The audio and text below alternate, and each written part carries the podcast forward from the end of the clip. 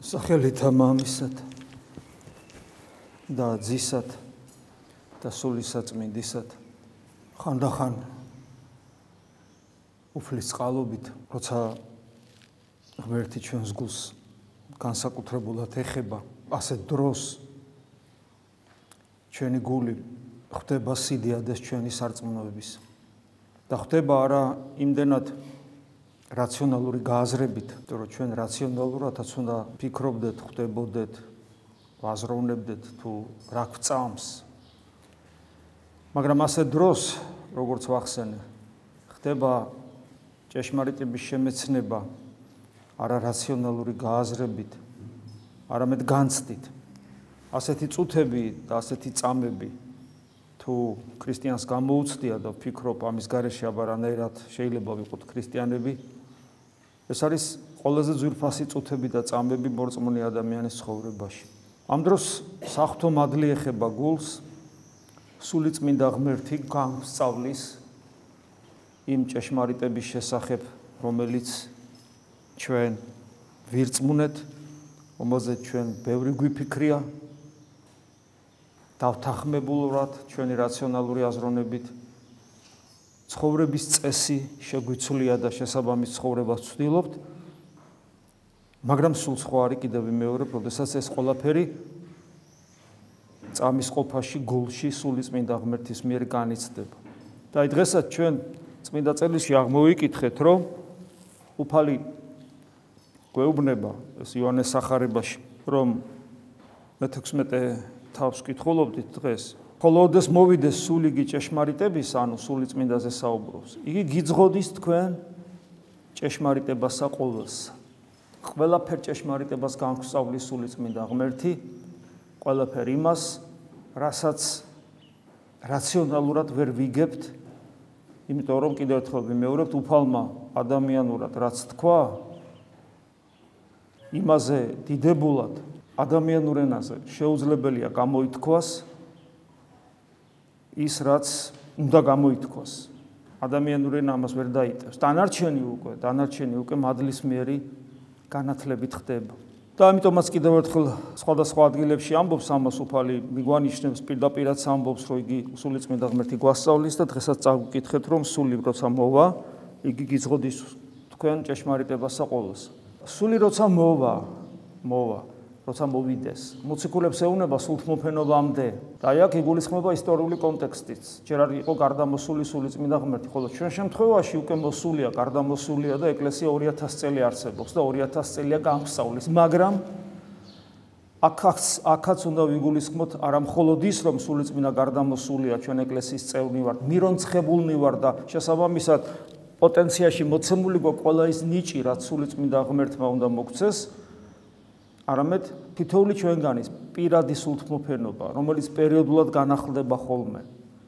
აი ისიც იგულისხმება, ანუ მე პერიოდულად განსწავლის ღმერთი, სულიწმინდა ღმერთი და თითოეული ჩვენგანის ცხოვრებაში ამას მნიშვნელოვანესი ადგილი აქვს, თუ ჩვენ ვართ ჭეშმარიტად მართმედებელი ეკლესიის, ანუ იმ სამოციქულო ეკლესიის წევრნი, რომელიც 2000 წელია არსებობს.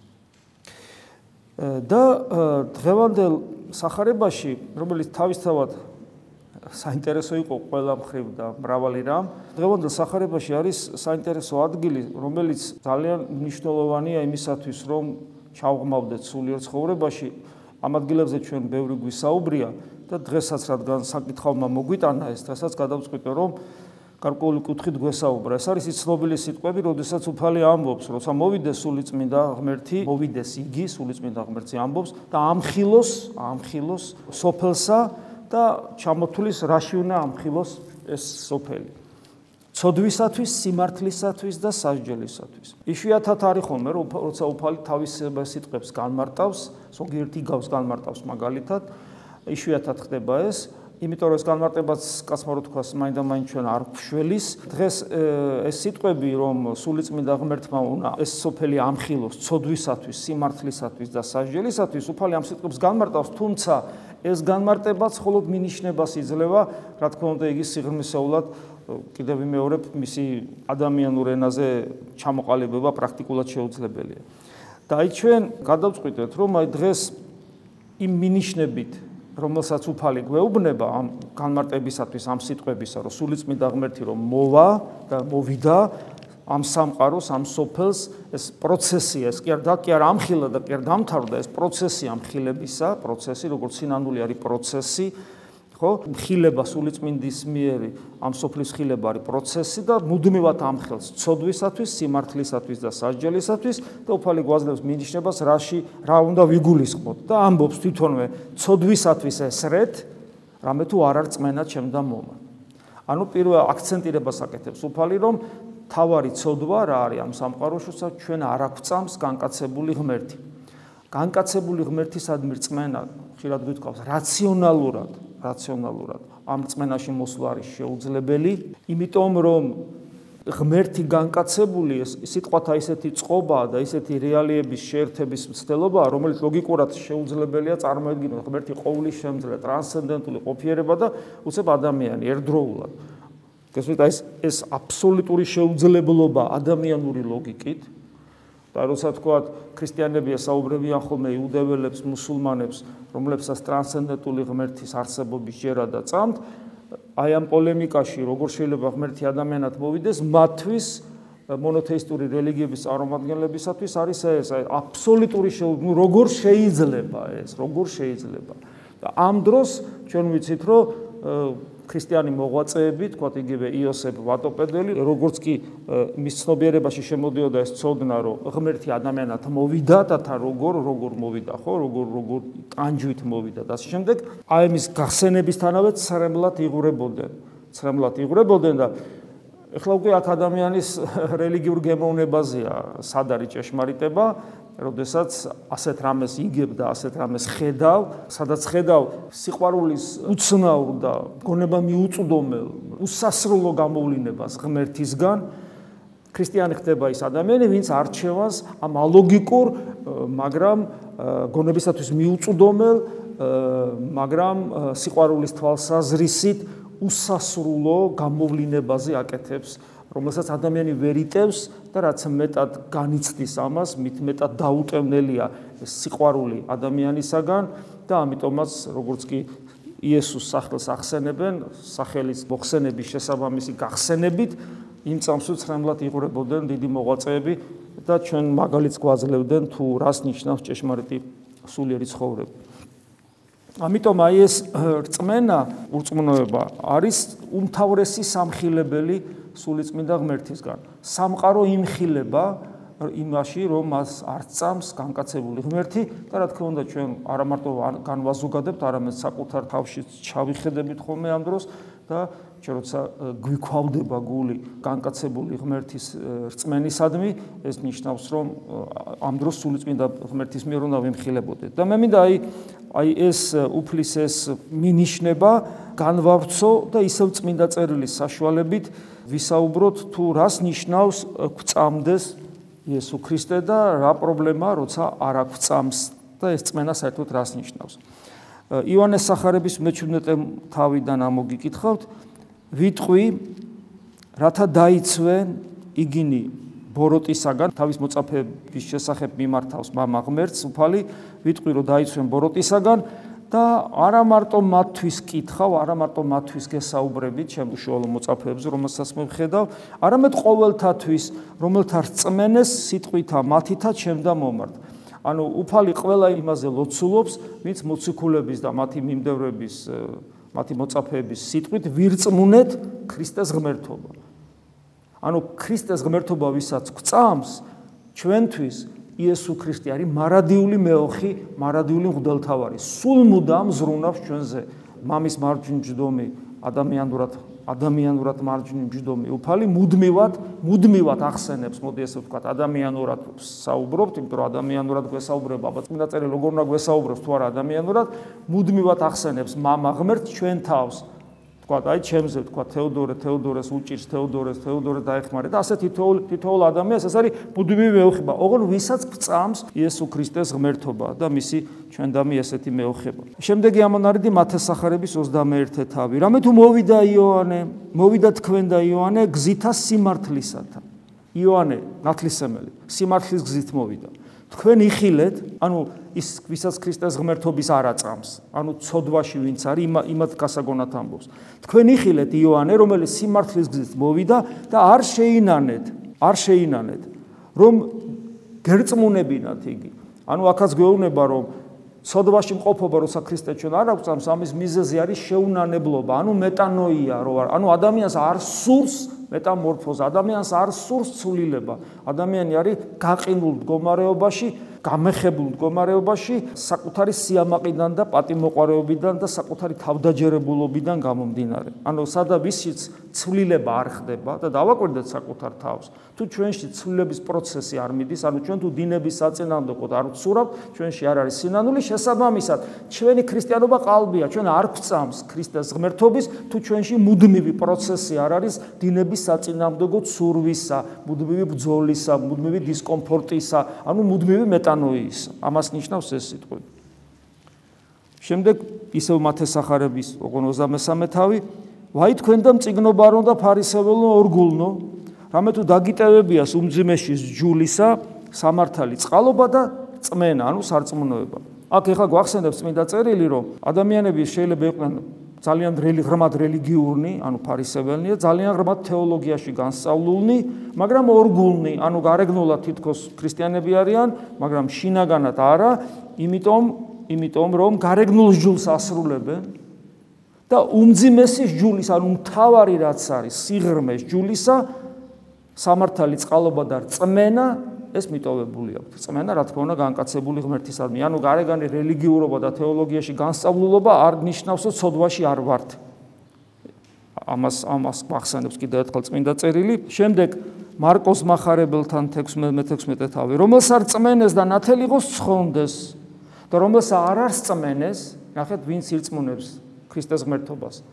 და მოინათლება, გადარჩება, ხოლო ვინც არ ირწმუნებს, მე ამბობს, დაისჯება. ეს ნიშნავს იმას, რომ ნათლობა საიდუმლოება, საიდუმლოებას, საეკლესიო საიდუმლოებას, ქრისტეს ღმერთობისადმი რწმენის გარეშე არანერი აზრი არ აქვს. ამიტომაც ამბობთ ხომ რომ ადამიანები რო ინათლებიან, მithumetes დასრული ადამიანები, ისე რომ რწმენა არ აქვს. ადამიანები რო ეზიარებიან და ისე რომ რწმენა არ აქვს. როგორ შეიძლება ხო უცნაურია, მაგრამ აი მე თითქმის თვეში რამდენჯერმე ვაწყდები ადამიანს, რომელსაც მრავალი წელი უცხოვრია ეკლესიურად და მე რა თქვა ან წასულა მე მოbrunება უნდა, ამიტომ მოსულა და საუბარი გვიწევს, რომლებიც ეზიარებოდნენ დიდი ხნის განმავლობაში, მაგრამ ქრისტე რო ღმერთია, ეს არც იციან და ამაზე არც არასოდეს უფიქრიათ. გესმით? და თუ ადამიანს უფიქრია და ამბობს კი ვიცი რომ ქრისტე ღმერთია მაგრამ ეს მის ცხოვრებაში გავლენას არ ახდენს მეტანოიის თვალსაზრისით მაშინ რა თქმა უნდა აქაც იგივე შემთხვევა. სიტყვით რას ამბობს რა მნიშვნელობა აქვს? ადამიანი თავარი თუ გული არ მიყვება ამ სიტყვას.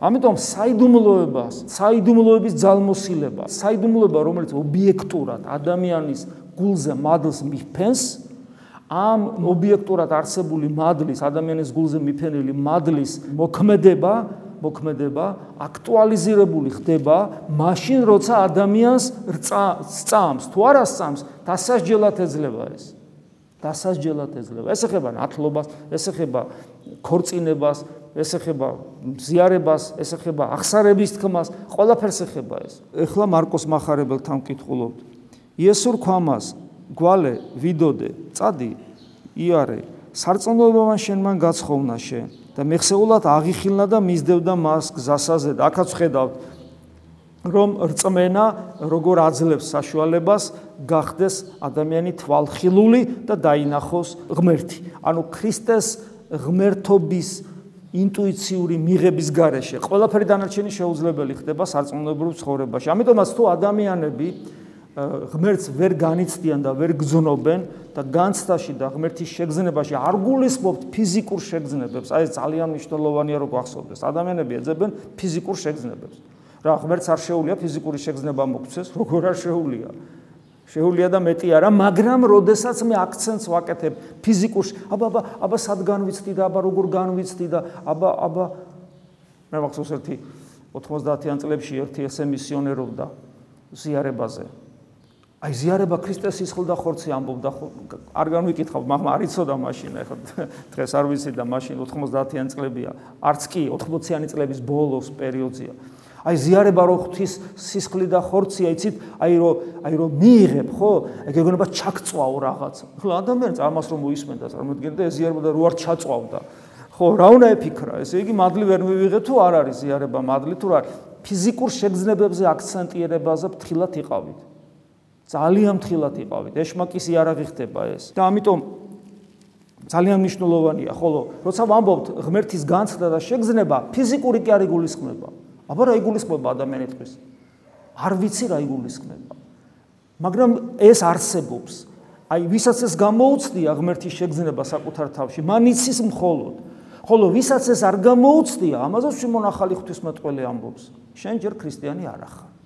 და საჭიროა შენი სინანული თავიდან თავიდან თავიდან გააზრება რა გწამს ანუ იოანე სიმონ ახალი ღვთისმოწყალე მიგვანიშნებს რომ ჩვენ ბოლომდე არ გჯერა ქრისტეს ღმერთობის და იმიტომ რომ ქრისტეს ღმერთობის თუ გჯერა შენ ეს ცხოვრების წესში უნდა ვლინდებოდეს შენს დისკომფორტში უნდა ვლინდებოდეს შენს მეტანოიაში ანუ ცვლილებაში უნდა ვლინდებოდეს და ეს თუ არ ხდება ეს თუ არ ხდება მაშინ შენ ქრისტეს ღმერთობის არ ჯერა და შესაბამისად შენს გულში არიდიდება ღმერთი, შესაბამისად სადაც არიდიდება არიდიდება განკაცებული ღმერთის და სადაც არიდიდება იესო ქრისტე, იქ მადლი არ მოდის, სულიწმინდა ღმერთი იქ არ მოდის, სულიწმინდა ღმერთი მოდის მხოლოდ იქ სადაც ქრისტე იდიდება ცხოვრების თავგანწირული წესით, შეიძლება ასე ვთქვა.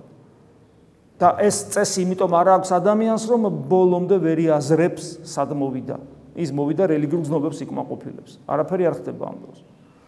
ესეც გვახსოვდეს. ანუ ჩვენ თუ გვინდა რომ ღმერთი დავინახოთ, იყო თვალხილული, მაშინ სარწმუნოება უნდა გქონდეს, რომელიც გადაგვარჩენს. ლუკას სახარებაში ვკითხულობ: "დარქვეს მოციქულთა უფალს, შეგვძინე ჩვენ სარწმუნოება."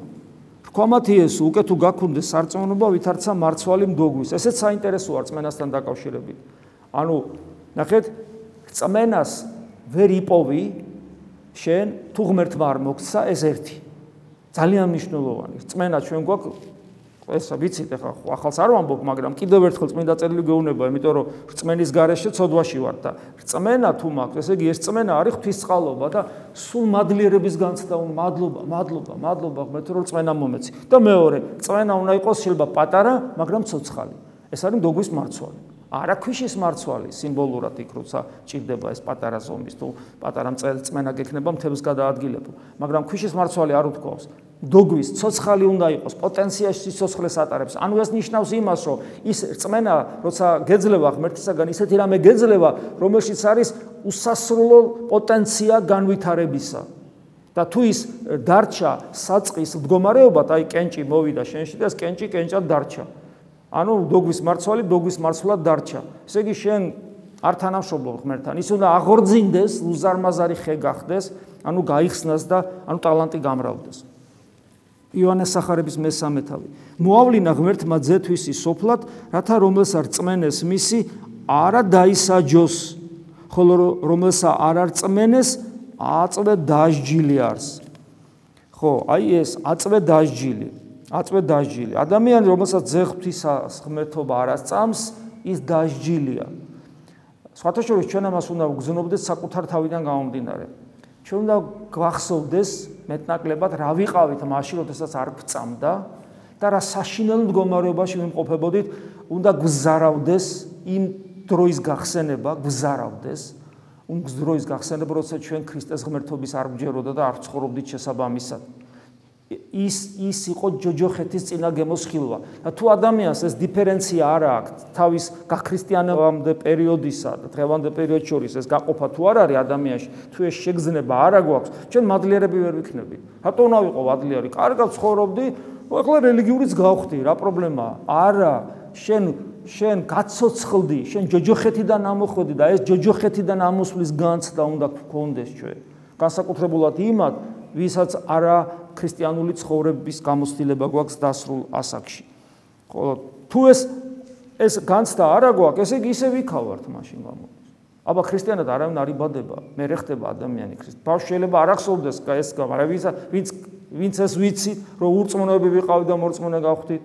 წარმოგიდგენიათ რა სიხარული უნდა გქონდეს. იონე მოციქულის ეპისტოლე პირველი. ყოველსა რომელსაც წმენა ვითარმეთ იესო არს ქრისტე, იგი ღვთისაგან შობილარს. ანუ ღმერთის შვილი ხარ, გეუბნება თუ გწამს იესო ქრისტეს ღმერთობა. ყოველი რომელი შობილი იყოს ღვთისაგან, ხოლო თუ ღმერთისაგან შობილია, ის ძლევს სოფელს. და ძლევს სოფელს რას ნიშნავს? ამას სოფლის სული ვერაფერს ვერ გიშობა და ეს ძლევა რევოლუციას კი არ ნიშნავს, საკუთარ გულში ძლევ. საკუთარ გულში ვერ გამარცხებს ის თავის სიამაყით, ამპარტავნებით, ეგოიზმით, შურით, გესმით, აი ამ ყოლაფრით. ეგოიზმით, ინდივიდუალიზმით ვერ გამარცხებს.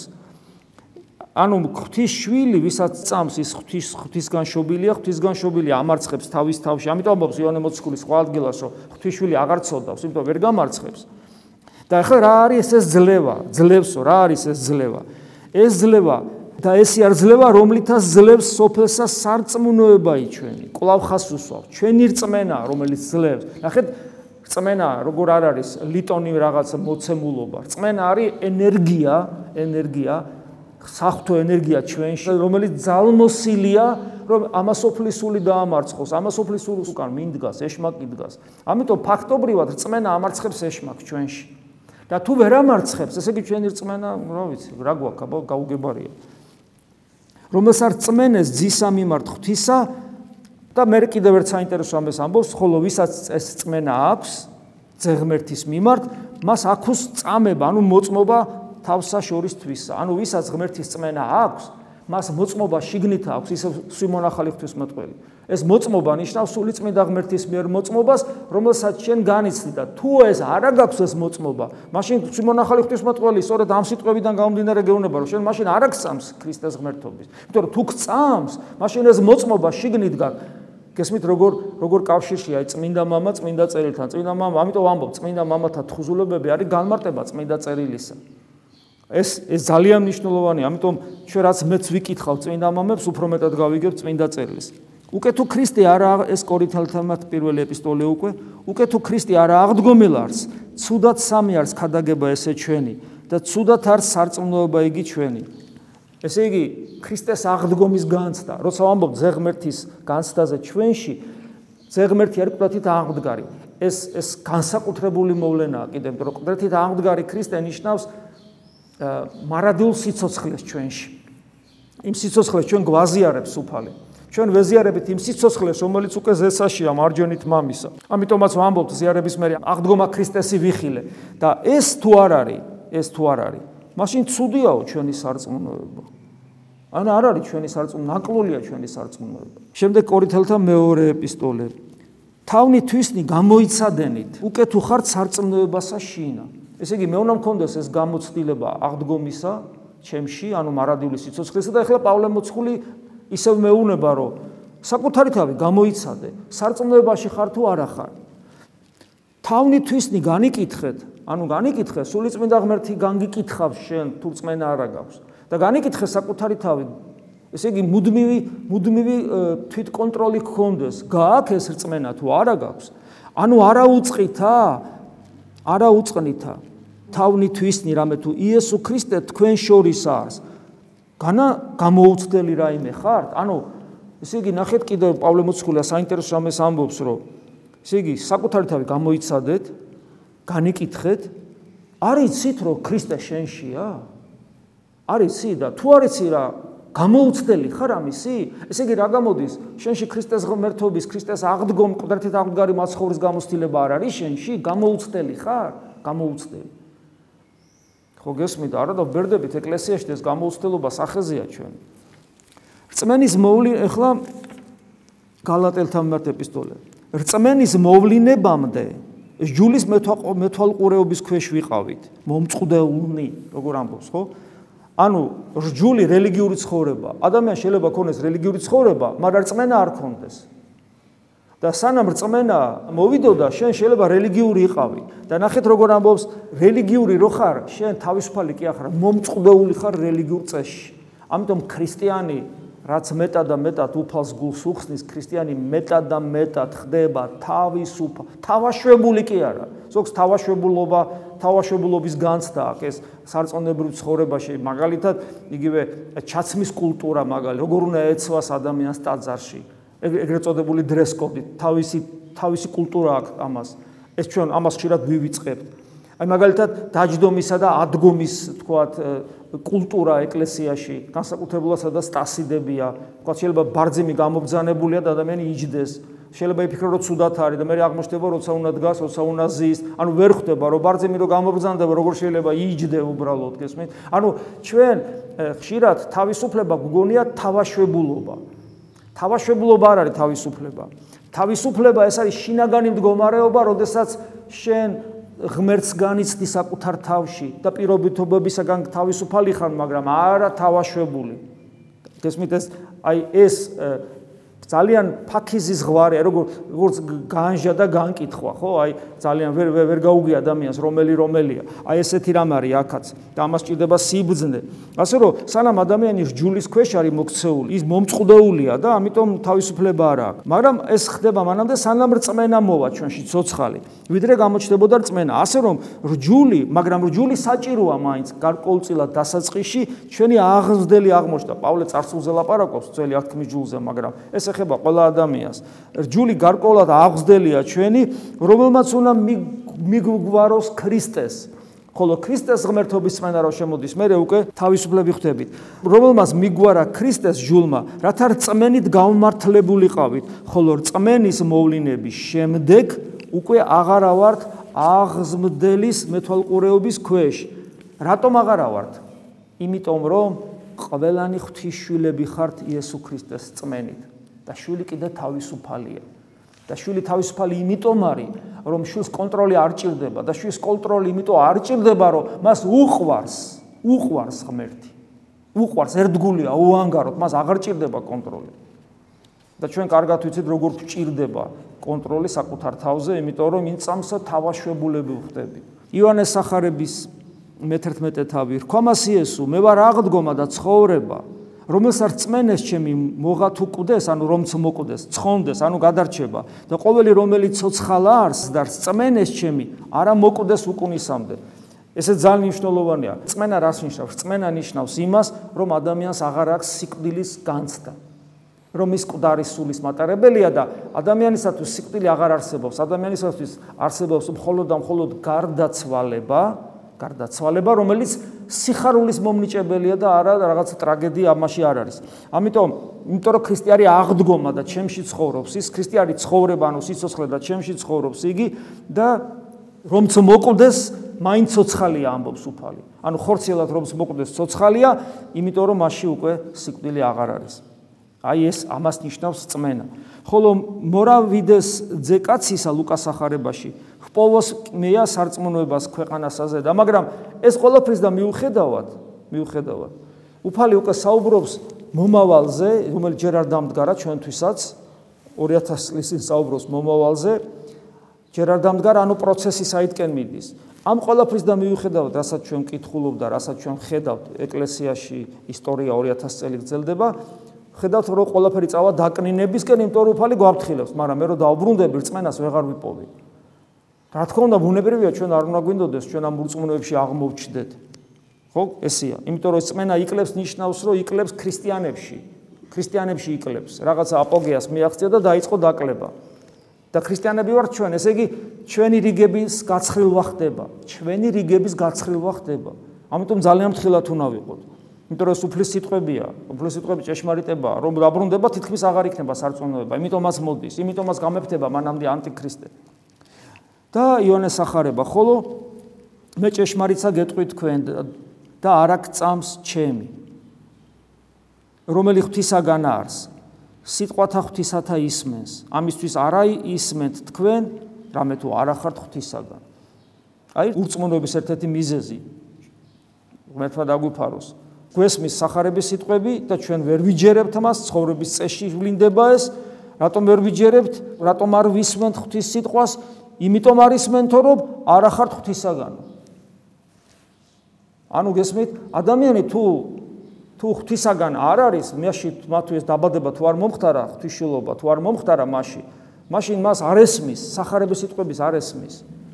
და ეს არ არის მაინდამაინც სხვა რელიგიის წარმომადგენელი იყოს.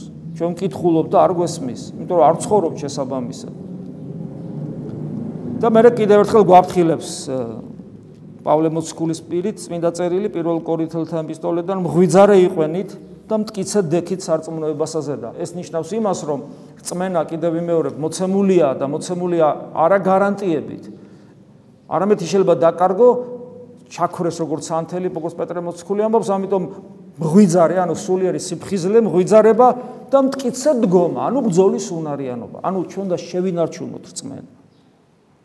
და მეორე რისთვისაც ამ ხელს ეს არის სიმართლისათვის გვამხელს სულიწმიდა ღმერთი და უფალი აქაც მინიშნებას გვაძლევს სიმართლისათვის ამხილოს რამე თუ რას ნიშნავს ეს? რამე თუ მე მამისა ჩემისა მივალ და არაღარა მხედვიდეთ მე. ანუ უფალი გვეუბნება რომ სულიწმიდა ღმერთი რომ მოდის სამყაროს ამხელს იმ ობიექტური სინამდვილისათვის რომელი ობიექტური სინამდვილეც ამ სოფელში არის დამკვიდრებული რას ღმერთს ვერ ხედავენ ქრისტეს ვერ ხედავს ადამიანი გესმით? მაგრამ ნახეთ ეს როგორც ობიექტურად არსებული რეალობა, მართლაც აბა სად არის ქრისტე? დამანახე ხო ადამიანს, ადამიანი ქრისტეს ვერ ხედავს. მაგრამ ეს არა მარტო ობიექტურად არსებული რეალობაა, არამედ ეს არის ის რაც ცოდვა თითლება. ცოდვა არის ეს. იმიტომ რომ სულიწმიდა ღმერთი გვამხელს. ანუ მიუხედავად იმისა, რომ ობიექტური სინამდვილეა, რომ ღმერთს აბა ქრისტეს როგორ ხედავთ, სად მოხედავდეთ, ჩვენ უნდა ვხედავდეთ მას. იმიტომ რომ ვინც ვერ ხედავთ, სულიწმიდა ღმერთი ამას სოფელთან ერთად გვამხელს. რამდენიმე ამონარიდი წმინდა წერილიდან მიუგო იესო და რქვამას, აცადე აწ. რამე თუ ესრეთ იონათლის სემელთან რომ ინათლება უფალი, ნათლს რო იღებს, ნათლისღებას. რომ და იონე ეუნება გახსოვთ ხო, რომ მე უნდა მივიღო შენგან ნათელი და შენ ჩემთან ჩემთან მოდი ხარ? ანუ იონე შეძწუნდება, რომ მოვიდა უფალი თავს მოუდრეგს და მე უნდა მივიღო შენგან ნათელი და შენ ჩემთან მოხვალა ეს ეუბნება ხო და უფალი ეუბნება რომ მიუგო იესო და რქვამას აცადე აც რამე თუ ესრეთ შვენის ჩვენ და ახსრულებად ყოველი სიმართლე ნახეთ საფრთხო სიმართლე სრულდება საფრთხო სიმართლე აი სიმართლისათვის მხილება საფრთხო სიმართლე სრულდება და ეს სიმართლე ნახეთ როგორ ავლენს თავს არ ჩანს არ ჩანს. ანუ რაღაც სიმართლე, რომელსაც იოანე ვერ ხედავს და შეზრწუნებული უკან იხავს. იოანე ვერ ხედავს, გესმით? იოანეზეა საუბარი. ნათლის სემლზე და ვერ ხედავს ამ საფრთხო სიმართლეს და უფალეონება ეს არის საფრთხო სიმართლე, რომელიც ასე უნდა აღსრულდეს. ამიტომ როგორც მე გეუბნები, ისე უნდა გაკეთდეს. ამიტომ ეს ობიექტურად არსებული სინამდვილე ქრისტეს ღმერთობის დანახვის და თახტო განგებულების ხედვის ეს ობიექტური სინამდვილე რეალურად არსებობს, ამიტომ მისი დანახვა ამ სიმართლის დანახვა ხო? ეს არც ისე იოლია. არც ისე იოლია. იმიტომ რომ ჩვენ ვერ ვხედავთ ქრისტეს, ვერ ვხედავთ ქრისტეს. შემდეგ იონეს სახარებიდან ესეთი რამე ვკითხულობ. ცირე დღა და სოფელი ესე არ ამხედვიდეს მე. მოციქულებს ეუბნება. ცოტა ხანში და ეს სოფელი ვერ დამინახავს. ხოლო თქვენ მოციქულებს მიმართავს. თქვენ მხედვიდეთ მე. რა საინტერესოა, ხო? ანუ ერთის ხრივ ქრისტე არ აჩანს, და ეს სოფელი იმხილება იმ სიმართლისათვის სულიწმინდა ღმერთის მიერ იმ სიმართლისათვის იმხილება იმ ობიექტური სინამდვილისათვის იმხილება რომ არა ჩანს და თუ ობიექტური სინამდვილეა რატომ ამხილებ? გამხილებ იმიტომ და აქ ჩანს რატო ამხილებ? ქრისტეს მოწაფეები ხედავენ. ეს სოფელი არ ამხედვიდეს ვერ დამინახავს ხოლო თქვენ მოციქულებს ეუბნებათ. ანუ ჩვენ გვეუბნება თქვენ უნდა მხედავდეთ. ეხლა განგვიმარტავს რატო? ხოლო თქვენ მხედვიდეთ მე რამე თუ რატო უნდა მხედავდეთ მე? რატო უნდა მხედავდე მე ქრისტეს? ამ სოფლის სულისაგან განსხვავებით. რამე თუ მე ცხოველ ვარ ანუ ცოცხალი ვარ. მე რა ცოცხალი როა ვიცი მაგრამ აბა როგორ ხედავდე? და აგზელებს და თქვენც ცხოველი იყვენ და თქვენ ცოცხალი უნდა იყოთ. ესე იგი რატო ვერ ხედავ? ცოცხალი არა ვარ. სულით მკვდარი ვარ, ისე ვიქ მივდივარ, გესმით? ნახეთ, აი როგორი როგორი მნიშვნელოვანია, როგორი მნიშვნელოვანია, რომ ქრისტეს განვიცდით გულში, იმიტომ რომ ხედავდეთ გულის მიერად, იმიტომ თუ ჩვენ მას ვერ ვხედავთ, მაშინ ჩვენ ვიმხილებით სულიწმინდა ღმერთის მიერ იმ სიმართლისათვის, იმ ობიექტური სინამდვილისათვის, რომ ქრისტე არა ჩანს და არა წამთ ადამიანებს, მაგრამ მე ჩემთვის ეს გამართლება არ არის. მე უნდა ვხედავდე. თუ არა და მეც მკვდარი ვარ ამ სოფელთან ერთად. და ჩემი თავადი სატანა ყოფილა ამ სოფელთან ერთად. როგორც წმინდა წერილი გვასწავლის, თავადი ამ სოფლის არის სატანა. მას დღესა შინა სნა თქვენ რამე თუ მე მამისა ჩემისა თანა, აი მას რომელ დღეს შინა, როდესაც მე ცოცხალი ვხდები სულით, როდესაც მე ქრისტეს ვხედავ ჩემში, აი იმ დღეს, იმ წამიდან რას ვხედავ, რომ ქრისტე ამბობს, მე მამისა ჩემისა თანა, ანუ მე და мама ერთი ვართ რო ამბობთ და თქვენ ჩემთანა, ანუ ჩვენ ქრისტესთან და მე თქვენ შორის, ანუ ნახეთ, სად შევდივართ, ყოვლადწმინდა სამების სიახში შევდივართ უკვე ჩვენი შინაგანი მდგომარეობით. უკვე ზეცაში ვართ, როგორც მე ეფესალთა მიმართ ეპისტოლეში კითხვის პავლე მოციქული დიდებულად. ეხლა მათეს მათეს სახარებაში ვკითხულობთ. ხოლო გეტყვით თქვენ, უკვე თუ არა აღემატოს სიმართლე თქვენი. ესე იგი, რა სიმართლესათვის ამხილებს სული წმინდა ღმერთი? რომ ქრისტეს ვერ ვხედავთ. რას აი ეს სიმართლე, ეს სიმართლე ობიექტურად არსებული სინამდვილე და უცებ კითხულობთ ესეთ რამეს.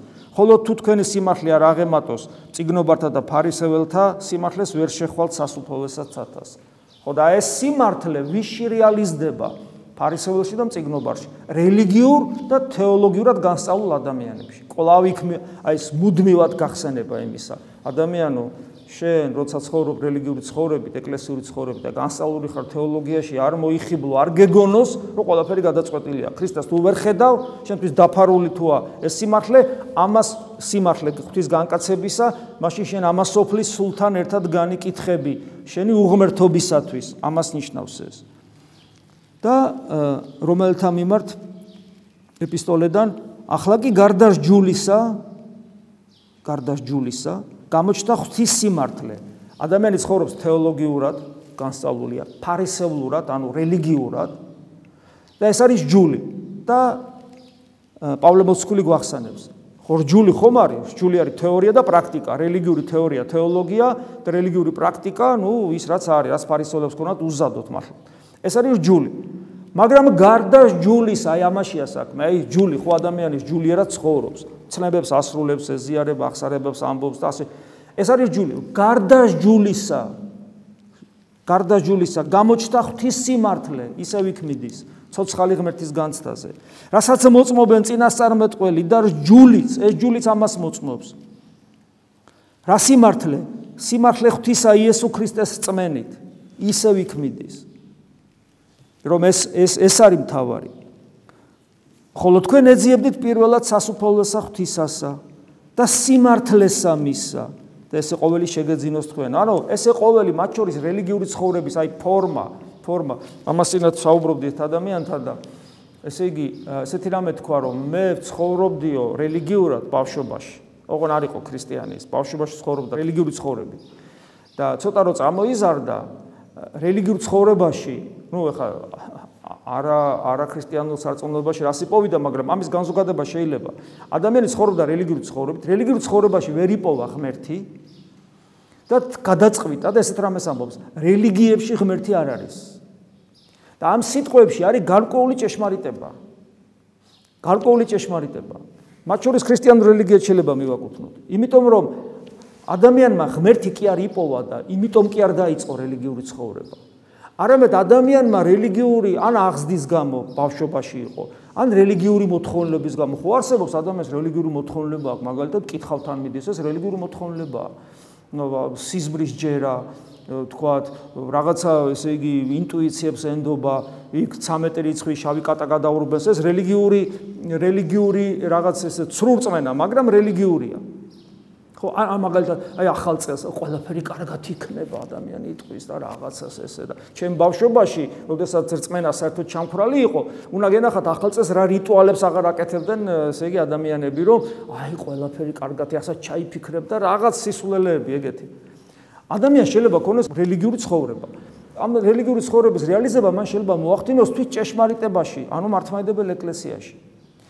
ესე იგი ადამიანი თუ ღმერთს არ შეხვედრია პირად შიგნით და მან დაიწყო რელიგიური ცხოვრება, თუ ადამიანი პატიოსანია გარკვეული წლების მერე იტყვის რომ არა კაცო, აქ ღმერთი ვერი პოვე და წავა, რამდენი მოსულა ეკლესიაში და რამდენი წასულა იმის გამო, რომ რელიგიური ცხოვრება დაიწყეს რელიგიური მოთხოვნილების გამო, ღმერთი ნაპოვნი არ ქონა და არც აქ არ უპოვიათ და წავიდნენ. აბა რა უნდა ქნათ ადამიანი იტყვის? აი ნახეთ, პირველად ეძებდით სასუფეველო საღვთისასა და სიმართლესა მისა. სასופეველი თავად ქრისტეა, ჩვენ ხო ვიცით. ანუ ადამიანში ჯერ უნდა გაჩნდეს გამოცდილება ღმერთის ყოფიერებისა, ქრისტეს ღმერთობისა, მისი სიმართლისა. და აი, როცა ადამიანი არსით იწყებს, როცა ადამიანში ჩდება გამოცდილება ცოცხალ ღმერთში, ცოცხალ ღმერთთან ერთობისა და მეરે იწყებს ის რელიგიურ ცხოვრებას, ეკლესიურ ცხოვრებას, მისთვის ყველაფერი წმინდა, მისი მისთვის თითოული კენჭი, ქვა, მტვერიც კი ეკლესიაში, მისთვის ცოდვილი მღვდელიც კი მღვდელია, აი ჩემნარი ცოდვილი მღვდელიც მღვდელია. მიუხედავად იმისა, რომ ცოდვილი ვარ, მაინც მღვდელი ვარ მისთვის. იმიტომ რომ მისთვის მტვერიც კი წმინდა, მტვერიც, იმიტომ რომ ის აქ მოვიდა არა ფორმისა და არა რაღაც რელიგიურობის გამო, ღმერთი იპოვა. ღვთის სული იპოვა ეკლესიაში. ასეთი ადამიანის რწმენა დაუმარცხებელია, ხოლო ვიშიც ეს არ მომხდარა. რა ვიცი, სამწუხაროდ. ამიტომ რატო გეუნებით ახლა ამას? ჩვენ რა უნახრათ? ჩვენ გავაცნობიეროთ ვინ ვართ, სადა ვართ, არის თუ არა ჩვენში რწმენა და თუ ჩვენში ცოცხალი ღმერთის განცდა არის დეფიციტური, გამოუფხიზლდეთ, გამოუფხიზლდეთ და მოძღვრის როლი ამ შემთხვევაში უდიდესია თუ თქვენ მოძღვართან მიგაქვთ როგორც ადრე გითხარით თქვენი სულიერი ავტოპორტრეტი და არ მოდიხართ ფსიქოლოგიური პრობლემების მოსაგვარებლად და მით უმეტეს ხების განსაკითხავად და მით უმეტეს საკუთარი რაღაც ღირსებების წარმოსაჩენად. ესეთებიც ესე ხდება, იცით, რამდენი რამდენი ხდება, საკუთარ თავს წარმოაჩენ, საკუთარ ღირსებებს, ხებზე მსჯელობს, ან რაღაც ფსიქოლოგიური რაღაც პრობლემები, ან ყოფითი პრობლემების მოგვარებაზე საუბრობს და წუწუნებს და ასე შემდეგ. სულიერი პორტრეტი უნდა მოიტანოთ. ეს რას ნიშნავს? ეს ნიშნავს, რომ თქვენ თავში ჩაიხედეთ და შეადარეთ сахарებას. сахарების მიხედვით ვინ ხართ თქვენ თორე? საკუთარი თავი ყოველას რაღაცა გონია. сахарების მიხედვით ვინა ვარ, იმას უნდა ჩაუხედო. და საკუთარი სულიერ პორტრეტს რომ მოიტან, მე უკვე მოძღვარს შეუულია. რა თქმა უნდა, ღვთის მადლით ისიც. იმიტომ 2 და 3 ჩემი სახელით იკრებებაო, მე შეიძლება იქ დახმარება. იმიტომ რომ თქვენ ითხოვთ ამ დახმარებას. თქვენ მოიტანეთ სულიერი პორტრეტი, თქვენ ტკივილი მოგაქვს. ხო და ეხლა შე რო პრობლემები გვაქვს მოგაქვს მიწიერი და ყოფითი და აბა როგორ გადავწყვიტო მკითხავი ხო არა ვარ როგორ გადავწყვიტო მე რა ვიცი როგორ უნდა გადავ როგორც გინდა ისე გადავწყვიტე არა ვარ მე მკითხავი არ ვიცი მე ასე უნაქნა თუ ისე უნაქნა ჩემ თავზე არ ვიცი და შენს საიდან მეწოდინე რატომ არ მეუნება ამას ღმერთი? იმიტომ რომ ამას ნიშნულობა საერთოდ არ აქვს. შენს ამ ქვეყნიურ წარმატებებს და წარუმატებლობებს შენს სულიერ ცხოვრებაში პრინციპული ნიშნულობა არ აქვს რამდენი წარუმატებელი ადამიანი ცხონებულად, რამდენი წარმატებული ჯოჯოხეთში წასულა. ამას საერთოდ რა მნიშვნელობა აქვს? ეს მე აი ეს არის ჩვენი პრობლემა. და მესამე სასჯელისათვის, ანუ მესამე ისიც ამხილებს სულიწმინდა ღმერთი სასჯელისათვის და რა სასჯელზეა საუბარი და უფალი განმარტავს ამასაც. რამე თუ მთავარი იგი ამას სოფლის, ანუ ეშმაკი, ნახეთ თავადი ამას თავარი ამის სოფლისა სხვაგან ამბობს თავადი ამას სოფლისა ეშმა კი ამას სოფლისა დასჯილი არს. ეს ძალიან მნიშვნელოვანია. გესმით ძალიან სასჯელი. უნდა ანუ ეშმა კი რომ დასჯილია დასჯილია და მას ძალა არ აქვს. აი ამის ამის საჩვენებლად მოდის სამხილებლად საჩვენებლად. აი რასასაცილოა ხო? აი ამის ფონზე ადამიანი მოდის და ეშმაკის მკითხავის ჯადოს როეშინე დაჟილია დაჟილი დაჟილი და შენს გულშიც დაჟილი უნდა იყოს. მაშინ მიხვდები ამ სიტყვების მნიშვნელობას. აი ამის ფონზე კიდევ რამდენიმე ამონარი წაიკითხავთ. წარიყვანა იგი ეშმაკმა, გახსოვთ, ეშმაკი როგორც ცდილობს ქრისტეს სტუნებას, ფრიად მაღალს ადგილსა უჩვენა მას ყოველი სუფევანი სოფლისანი, ანუ სამეფოები უჩვენა და დიდება მათი და რქვა, ესე ყოველი მოგცე შენ, უკეთ თუ დავარდე და თაყვანის ცემე, რა თავხედია ეშმაკი. ადამიანი რო ფიქრობს, ეშმაკი ებძვის თუ არ ებძვის, ეკლესიაში მასე ნაზიარებზე შეებძოლება თუ არ შეებძოლება. ქრისტეს ქრისტეს სტუნება უნდა. რა თქმა უნდა ქრისტემ დაიმდაბლა თავი და მიუშვა და ეშმაკი ბოლომდე ვერ ხვდება ვისთანა აქ საქმე, მაგრამ, მაგრამ ფაქტი ფაქტად ჩება. ეშმაკი ყველგან ცხვირს ყოფს, მას გრისება არ გააჩნია. ის ყოველთვის შეგებძოლება. და ეუნება რომ თაყვანი უნდა მემცეო და ამ თელ ამ სამეფოებს შენ მოგცემო, ფიქრობს რა რომ მას უნდა რომ თავის სიტყვა გაავრცელოს და მთელი სოფლიოს მეფე რო გახდება, ბუნებრივია გააგზელებს. ასე აცტუნებს ის ანტიქრისტეს. და ასე ასე უცდუნები ამას სოფლიო დიქტატორები და დამპყრობლები, რომლებსაც თავის იდეის გატარება უნდა და სოფლიოზე. ყველგან ერთდა იგივე შმაკის ხელია. იმიტომ რომ ნებისმიერი ხელისუფლება ძალადობით მოქმედებს, ხო სწორია? ყველგან ეშმაკის ხელია. იმიტომ რომ ეს არის ზუსტად შენ მიდი დაიფყარი სოფლიო და შენ ჭეშმარიტებას გაავრცელებ. თქვა მას იესო, წარვეთ ჩემგან მართულკულ სატანა. უფალი აგდებს და მაგალის გეუბნება, რომ ძალადობით არ ხდება ჭეშმარიტების დამკვიდრება.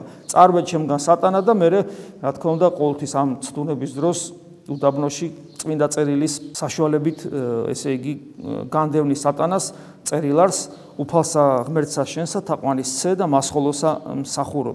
აი ეს არის, ანუ მთავარი ამასოფლის, ანუ ეშმაკი ქრისტეს თავიდანვე შეებრძოლა. მანამდე შეებრძოლა, როცა იროდი მოსაკლავად დაძდევს და რაღაცა, მაგრამ ესე იგი თავიდანვე, თავიდანვე იწება ბრძოლა ეშმაკისა ქრისტესთან და ეს ბრძოლა დღემდე გრძელდება, იმიტომ რომ ეკლესიას ებრძვის. და მაგრამ ამ ბრძოლაში დამარცხდა. აი როგორც იროდთან ხო ვერ მოკლა ქრისტე, როგორც აქ ამ შემთხვევაში ქრისტე მოიცილებს, ყოველთვის როგორც კი მიდის, საბძოლოდ მარცხდება. და საბოლოო ჯამში იცით როდის დამარცხდა, როდესაც ჯვარცმა მოხდა, აი იქ მოტყვილდა, იქ ეშმაკი მოტყვილდა უბრალოდ, იმიტომ რომ ჯვარცმით, ჯვარცით ხდება კაცობრიობის გამოსყიდვა და მას რო გონია რომ ქრისტეს ანადგურებს, იქ ქრისტემ გამოიმარჯვა, იმიტომ რომ ჯვარცმას აღდგომა მოყვა. გესმით? ანუ ის იქ უკვე მისი ძალაუფლება საერთოდ ჩაიხსნა, იმიტომ რომ ჩადის სულით ჯოჯოხეთში, ადამიანური სულით ჯოჯოხეთში, როგორც ღმერთი და ანადგურებს ჯოჯოხეთს. ამიტომ ეს ბძოლა დაწყებულია დიდი ხანია, სადაც ეშმაკი ყოველ ნაბიჯზე მარცხდება. მაგრამ ჭკუას ვერ სწავლობს. მაგრამ მიზეზი რო ჭკუას ვერ სწავლობს, ჩვენ ვართ, იმიტომ რომ ზოგიერთ ადამიანში ის ამარცხებს ღმერთს. ზოგიერთი ადამიანის გულში ამარცხებს ღმერთს. მოვალს მთავარი იგი ამას სოფლისა და ჩემთან პოლოს არ არა ქრისტეს სიტყვები იონეს სახარებაში. ანუ ქრისტე გვეუბნება რომ ჩვენერი ადამიანური ბუნება კი აქვს, მაგრამ ის მისი ადამიანური ბუნება განღრთობილია და აბსოლუტურად წმინდაა. და გვაჩვენებს რომ ეშმაკის უებრძვის მას, აი მოდის ჩემთანო, ბოლოსაც ამბობს, მაგრამ ჩემთან ვერ დასაყდენს ვერ პოულობს. ჩვენ როგორ გვერევა ეშმაკი?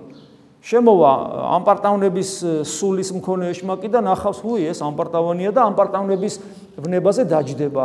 სხვა შემოვა ეგოისტური სულის, ეგოიზმზე დაждდება. ანუ ჩვენ პლატფორმ პლაცდარმები გვაქვს გაკეთებული მისთვის ვნებების სახით და ის მოდის შემოდის და ქრისტეში ეს არ არის. ამიტომ თუ გვინდა რომ ჩვენში არ შემოვიდეს ჩვენში ჩვენი ვნებების მაგივრად ქრისტე უნდა ცხოვრობდეს მაშინ ვერ შემოვა ჩვენში. შემდეგ კორინთელთა მიმართ ეპისტოლეში. რომელიგი არავინ თავართაგანმან ამის სოფლისამან ცნა? ანუ ქრისტე ეხლა ნახეთ. ეშმაკი ხო ებრძვის მაგრამ ნახეთ ამას სოფლის ამას სოფლის მთავრები ძირითადად ხელისუფალნი. ამ სოფლის ხელისუფლებმა ვერ იცნეს რომ რადგან თუ იცნობდნენ მაშინ უფალს არ მოკლავდნენ. და უფალი ერთხელ კი არ მოკლეს. ამ სიტყვის გაგებით უფალს თითქმის ყველა ხელისუფალი კლავს, იშვიათი გამონაკლისების გარდა. ეს იშვიათი გამონაკლისები მადლობა ღმერთ საქართველოსში იყო ხოლმე და სხვადასხვა ქვეყნებში, მაგრამ ძირითადად, ძირითადად, ძირითადად ქრისტეს სახელით, ან ქრისტეს სახელთან ბრძოლით ხელისუფალნი ძალიან ხშირად უმეტეს შემთხვევაში, უმეტეს შემთხვევაში ქრისტეს ვერ ცნობდნენ და ჯვარს აცვავდნენ. იმ ცხოვრების წესით დანერგვით ხელი სახელმწიფოში და იმ კანონების შემოღებით, რომელი კანონების და ცხოვრების წესით აშკარა წინააღმდეგობაშია მოვდივართ, ესე იგი, ჩვენ ქრისტესთან. ეხლა იონეს სახარებაში ესეთ რამეს ვკითხულობ. აწარ სასჯელი ამას სოფლისა, აწ თავარი იგი ამას სოფლისა განვარდეს გარეთ. კიდევ ესე იგი უფალი გვახსენებს რომ ისჯება ეს სოფელი იმიტომ რომ ამ სოფლის მთავარი ისჯება ანუ განისჯება ამ სამყაროს სასამართლოა. და ვინც არის თავადი თავარი ამ სოფლისა განვარდება გარეთ და როდის ხდება ამის ყველაზე მეტად გამოვლინება და როდის ხდება ყველაზე მეტი დამარცხება ამ სოფლის მთავრისა ანუ ეშმაკისა? ოდეს აუმაღლდე ქვეყანით ყოველი მოვიზიდნე ჩემდა და რო არ გვეგონოს ამაღლება ხშირად გვითხოვს, ხოლო ამას რა იტყო და აუწყებდა რომლითაც სიკვდილით ეეგულებოდა სიკვდილად. ნახეთ, უფალი ყველაზე მეტად საბოლოოდ როდის იმარჯვებს ეშმაგზე, რომლის მერე უკვე პროცესი იწყება აღდგომისა და შემდეგ, ეს არის ჯვარცმა და აქ უფალი ნახეთ როგორ ამბობს, როდის მარცხდება, როდის განვარდება გარეთ, ანუ როდის აღარა აქვს ძალაუფლება ამ სამყაროზე ეშმაგს, ის ძალაუფლება აქვს იმდენად, რამდენადაც ჩვენ ვაძლევთ მას ძალაუფლებას, თორე თავისთავად აღარა აქვს, რაც მანამდე ქონდა, როცა ქრისტეს ჯვარცმული ხდება და ამბობს, მე ოღონ ჯვარცმული რო ხდები, უნდა მოგიზიდოთ ჩემთან. ანუ ვინც ჯვარცმულის რწმენით, ვინ ჯვარცმულის ერთგულებით ცხოვრობს, ის ეშმაკისაგან დაუმარცხებელია.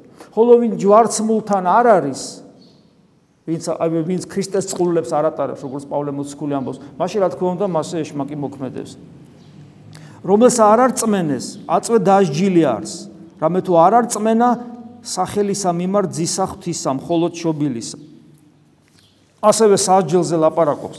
ის ადამიანი, რომელსაც ესე იგი არა აქვს წმენა, არა აქვს წმენა, ის ისჯება, ანუ ესე იგი ვინ ისჯება, ვისაც წმენა არა აქვს და წმენა რისი? ძისა ღვთისა მხოლოჩობილისა. და რა არის ეს სასჯელი? რა არის ეს სასჯელი? რამე თუ ნათელი მოვიდა სოფლად და შეიყვარეს კაცთა ბნელი, ვიდრე ნათელი, რამე თუ იყვნენ საქმენი მათნი ბოროტნი. როცა ადამიანი სახარებას კითხულობს და ვერ ხედავს, რატო ვერ ხედავს? იმიტომ რომ მას სხვა რამე უყვარს, ეს სხვა რამე ყველა შემთხვევაში სიბნელეა. сахарების დაუნახაობა და შესაბამისი ცხოვრების წესის საკუთარ თავში დანერგვა ნიშნავს, რომ ნათელს ვერ ხედავ. რატო ვერ ხედავ და გეუბნება? შენი ბრალი, აი რატომ არ აწავს ადამიანს ქრისტეს? იმიტომ რომ მისი ბრალია, მისი, მან შეიყვარა ბოროტი. ეს ბოროტი შეიძლება გარეგნულად რაში ვლინდებოდეს, იცით? აი ბოჩოლასავით იყოს ადამიანი. ბოჩო არავის არ ჭამდეს, არავის არ აბიწოვებდეს. ბოჩოლა, აი ბოჩოლა. მაგრამ იყოს ბოროტი, იმიტომ რომ შეფყრობილი იყოს თავისი ბოჩოლობით, მას ისე მოსწონს, რომ ბოჩოლა. ისე მოს, ისეთი ბედნიერია, რომ ბოჩო, ისეთი ამაყი და ამპარტავანია შინაგანად, რომ ბოჩოლა. ამიტომ ბოროტი არ ნიშნავს, რომ ადამიანებს ანადგურებ და გარშემო, გესმით? ბოროტი ნიშნავს იმას, რომ сахарებას კითხულობ და არ გაინტერესებს. და კითხულობ, გაინტერესებს თითქოს, მაგრამ შესაბამისად არ იხწვი, რომ შესაბამისი ცხოვრება შენში იყოს. იონეს სახარების კიდე ერთი ამონარიდი იტყოდავე იესო მათ მე ვარ ნათელი სოფლისა რომელიც შემომიდგეს მე არავიდოდეს ბნელსა არამედ აქუნდეს ცხოვრების აი ნათელთან დაკავშირებით მე ვარ ეს ნათელი უფალი გვეუბნება შენ თუ ნათელს აი სახარების ეუნ ნათელი და შემომიდგეს ანუ მარტო კი არ ხედა უნდა შეუდგე და თუ შეუდგები მაშინ სიბნელეში არა ვარ მარკოს სახარებათა ვკითხულობ, რომელნი ეკალთა შორის დაეთესნეს, ესენი არიან, რომელთა სიტყვა იგი ისმინიან და ზრუნვანი ამის სოფლისანი და საცდურნის იმდიდრისა შეუხდის და შეაშთვიან სიტყვა იგი და უნაყოფო იქმნის, ანუ ეს თესვარზე იგავიროა. აქ უბრალოდ გვეუბნება წმინდა წერილი, რომ რა შემთხვევაში ხდება, რომ ადამიანის ვერ ხედავს ამ ნათელს, იმიტომ რომ ამას სოფლის ზრუნველობა მთლიანად დაიპყრო. ამას სოფლის ზრუნველობა შეიძლება იყოს კეთილი ზრუნველობა, მაინდა-მაინც მომხოჭოლობა კი არა. კეთილი ზრუნველობა, ვალდებულება, ამიტომ ამ ქვეყნიურ შრომას თავისი თავისი საზღვრები უნდა დაუწესდეს. თავისი საზღვრები. მან მას არ უნდა მივცეთ იმის საშუალება, რომ თელი ჩვენი ცხოვრება გადაფაროს. იმიტომ რომ ამის მაგალითები ეკლესიის წიაღშიც გვაქვს, როცა ადამიანები, ვთქვათ, მონაზვნები იმდენ შრომობენ პატერიკებში არის აღწერილი ეს, იმდენ შრომობდნენ, ეშმაკი ცდილობს, რომ რაც შრომისკენ მიდრეკილება აქვს და რაც შეიძლება მეტი, მეტი, მეტი, მეტი, მეტი, მეტი იშრომონ, იმდენი იშრომონ, რომ ლოცვისათვის არანერი შესაძლებლობა და რესურსი აღარ ქონდეთ. გესმით? ეს უბრალოდ იგივე შემთხვევაა. და ბოლო ამონარიდი ეს არის იოანე მოციქულის ეპისტოლე პირველი. ნუ გიყვარეს სოფელი და ნუცა რა იარს ამ სოფელში. უკვე თუ ვის მე უყვარდეს სოფელი ესე არ არის სიყვარული მამისა მისთანა. რამე თუ ყოველივე სოფელსა შინა, რატო არ ნოგვიყვარდეს სოფელი? რომლის თავადი არის როგორც თქვით, ესე იგი სასჯელისათვის იმხილება, რა სასჯელისათვის, რომ ეშმაკი გავარდნილია ამ სოფლიდან, მაგრამ იმ ადამიანებმა, რომლებიც არ თანამშრომლობენ ღმერთთან და ჯვარცმულთან ერთად არ არიან, ამ ადამიანების საშუალებით ეშმაკი ისევ არსებობს. აქ და ეშმაკს იგივე იარაღი აქვს, რა იარაღითაც იგი ქრისტეს ცდუნებას ცდილობს, რა იარაღითაც თავის ძროზე ადამიანს ცდუნა და სწორედ ამაზე საუბრო ადამი 64-ში და იგივე იარაღით იბრძვის თითოეულ ადამიანთან და როცა ადამიანს ეს სოფელი უყვარს, თუ უყვარს ეს სოფელი ასეთ ადამიანში არ არის ღვთის სიყვარული, რატო? იმიტომ რომ ყოველივე ამ სოფელსა შინა არის გულის თქმა ხორცთა, რაზეც ჩვენ ხშირად საუბრობთ, ეს არის სიამეთ მოყარეობა, გულის თქმა თვალთა, ანუ მომხვეჭველობა და სილაღე ამას სოფლის, ანუ ამპარტავნება, პატიმოყარეობა და სიამაყე. და ეს ყველაფერი არ არის მამისაგან, არამედ ამ სოფლისაგან არის და ეს სოფელი წარხდება, გულის თქმა მისი წარხდება და შესაბამისად განისჯება და დაისჯება, ხოლო რომელმან ყოს ნება ღვთისა, იგი ეგოს უკუნისამდე. ამინ. მადლი უფლისა ჩვენისა იესო ქრისტესი და სიყვარული ღვთისა და მამის და ზიარება სული საწმინდისა იყოს თქვენ ყოველთა თანა. ამინ